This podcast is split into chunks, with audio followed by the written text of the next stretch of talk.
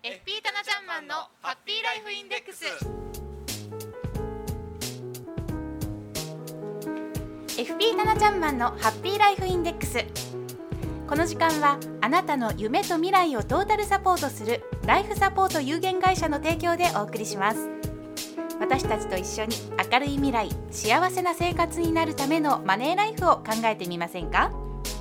この番組ではあなたからの疑問質問を受け付けています。タナちゃんマンへの応援メッセージも OK ですよ。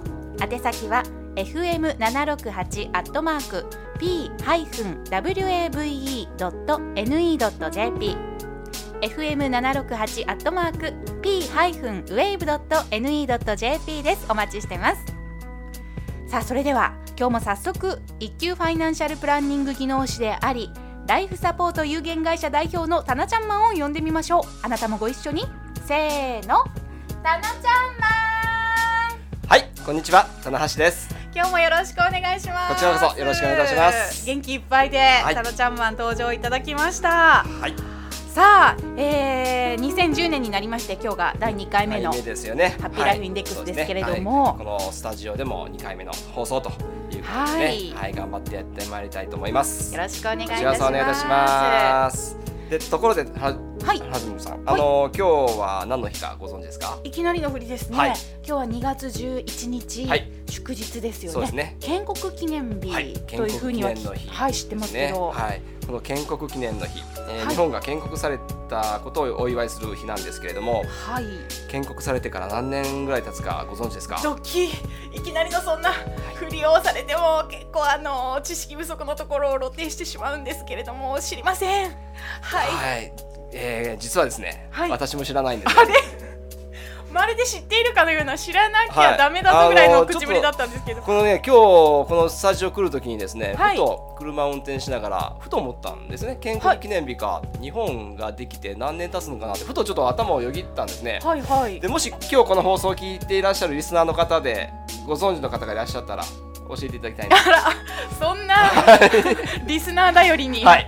まああの皆さんと一緒に作っていく番組ですからね。はい。ぜはい。ひお願いしたいなとはい、思います、FM 七六八アットマーク P ハイフンウェーブドット NE ドット JP へとはい、はい。たくさんの方からのねあのメッセージ、えーお待ちしておりますのでよろしくお願いいたします。お願いします。教えてくださ。はい。い、ということで、えーね、頑張ってハッピーライフやっていきたいと思うんですけれども、はい。えー2月に入りましたので、えーそろそろ確定申告の、ね、そうなんですよね。時期ですよね。はい、い。まだまだ先と思っていたらもそう年度末なんだなとはい。私も思っております。はい、で、あのーまあ、自営業の方はね、あのーまあ、確定申告この2月の15日から、えー、ちょっと今年は月曜日からですね、あのースタートするんですけれども、はい、えーまあ、あまりササラリーマンの方とかですね、えー公務員の方、えー確定申告ってあまり馴染みがないと思うんですけれどもね。えーあのほとんどの方はね年末調整で終わってしまいますので、えーあまり馴染みがないんですけれども、えーサラリーマンの方だとか公務員の方でも、えー一部の方ね、えー確定申告をすることによって、えー税金が戻ってくるという還付請求ですね。還付申告という制度もありますのでね、えーこの際、えーお話ししておきたいなと思うんですけれども、はい、ご存知ない方もいらっしゃると思いますのでね。はい。で、あの有名なところでいきますとね、えー医療費控除っていうのがありますけれども、はい。えー年間で、えー病院あるいはその薬代としてねお支払ったあー費用が10万円以上の方はね、えー年末調整で、えー納めた、えー所得税がね、はい。えー確定申告によって、えー税金を戻すことができる、えー還付請求ですね、えーはい医療費控除は有名ですけれどもその他にもあるのは、去年もお話ししたんですけれどもはい。覚えていらっしゃいますでしょうか？なんかあのー言葉をちゃんと覚えていないんですけれども、もう一度教えてください。ですね、あの雑損控除ですね。あのーまあえーどういったものかをもう一度。泥棒さんにあったはいとかですね、えーあとお天災ですね。天災によって被害を受けた方が、はい。その被害を受けた金額を控除することができるという制度があります。うんうん。でえーこれえー泥棒による被害もお雑損控除としてこ還付はできるんですけど、はい。詐欺はダメですよっていうことをね去年お話ししたと思うんですけれども、はい、自分の責任もちょっと問われてしまうところがあると、ねということですよはね。い、でもう一つですね、はい。あのー去年、えー平成21年の1月1日からはい。12月31日までの間に、はい。えーまあ、マイホームを購入して、はい。住宅ローンをこ組んでマイホームを購入した方、ありましたね、そのはい話。住宅ローンのお借り入れ控除ですね、はい。えーこれはい通常であればあの年末調整でできるんですけれども、えー初めて、えー申告をする場合ですね1回目の控除というのは確定申告が必要になりますのでね、はい。えーぜひ去年の1月1日からあー12月31日までの間に住宅ローンを組んで、えーマイホームを購入された方はね、えー確定申告が必要になります、えーちょっとこの手続きですね面倒ではあるんですけれどもね、はい。えーかなり大きな金額うん還付されますもんね。で、えーこの住宅ローン控除はですね、はい。えーその他のですね例えば医療費控除だとか、えー雑損控除あるいはその年末調整で行っているう生命保険料控除のようにですね、所得控除ではなくて、はい。えー税金控除税額控除と言われるう控除ですのでねすごく大きな、えー金額が、えー返ってきますのでね。そうですよね。えーはい、かなり面倒くさいですけれどもねやっていただきたいと思います。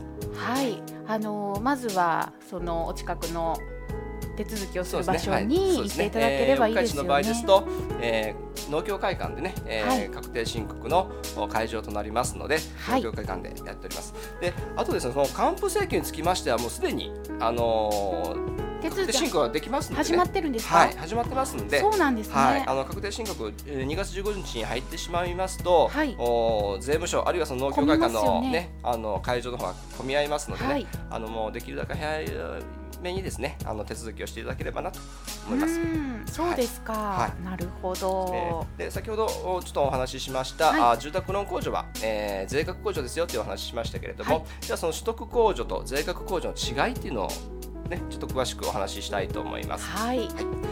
えー所得控除と言いますのは例えば生命保険料控除が代表的なところなんですけれども、はい。えー生命保険料ですね、えー毎年支払っあの保険会社の方に支払っている保険料があ10万を超えた場合ですね、えー10万以上支払った場合所得からですねその年の1月1日から12月31日までの間の所得から5万円っていうのが控除されます。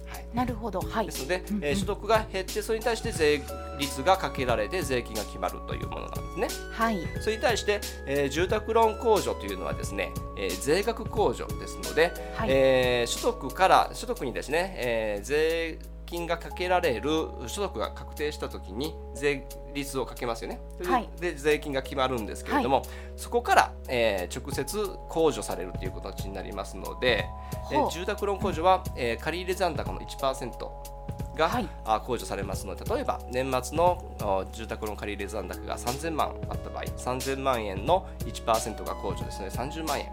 はい。です。のでね、えー30万円が税額から丸々控除されるという形になりますのでええ。所得税が例えば、えー30万円以上さ納めていれば30万円返って帰くると。という。形になりますのでね、うんうん。えー非常に大きな、えー控除ですのでねなるね手ほど。続きかなりね不動産を買った、えー控除ですね。あのかなり書類もですね揃えなくちゃいけなくて、はい。えー面倒くさい手続きですけれどもね。あのーかなり大きな金額が、えー、前前にぶら下がっていると思えばねねそうですよね。できると思いますんでね頑張はいってやっていただければなと思います。早めからぜひ、ね。もう始まっているということですから、はい、はい、手続きを始めてそうですいねただきたいと思います。でもしねあのどういったものを揃えなくちゃいけないのかって分からなければまたあの税務署に、えー問い合わせいただければ結構ですし、またあのーね、お近くの方であれば、まあ、お問い合わせいただければねあかなちゃんマンにはい。も相談しても大丈夫ですか？はい、はい。ね、あのーアドバイスさせていただきますんでね。はい、なかなか難しいと思うのでね、あの税務署に行く前にぜひ、ね。はい、はい。あの少しアドバイスをいただければ、はい、よりあのスムーズかなともそうですね。はい、思いますよね。はい、わかりました。えー、たなちゃんマンがいらっしゃるのは生和町にありますライフサポート有限会社ですので、はいえーこちらへとぜひ足をお運びいただければと思います。はい、たなちゃんマン今日もありがとうございました。そあのー建国記念の日、なはい建国から何年経つのかぜひ教えてください。はい、皆さんからのあのーメッセージとともに、はいぜひあのお待ちしておりはい、ます。お願いいたします。はい、お願いします。さあ、ライフサポート有限会社のホームページもぜひはい。ご覧いただきたいと思います。い。過去の放送分をお聞きいただけますよね。はい、はい、あの内容を復習したいという方、ぜひぜひこちらをチェックしてみてください。はい。ライフサポート有限会社のホームページは検索エンジンで「タナちゃんマン」と入れて検索していただければ OK です。はい。はい、えーそれでは、えー次回は3月の11一日です日ね。の、はい。えー3月の第2回目の木曜日になります。そうでぜひまたお楽しみにしてください。はい FP タナちゃんマンのハッピーライフインデックス。この時間はあなたの夢と未来をトータルサポートするライフサポート有限会社の提供でお送りしました。それではまた次回お会いしましょう。ありがとうございました。バイバーイ。失礼します。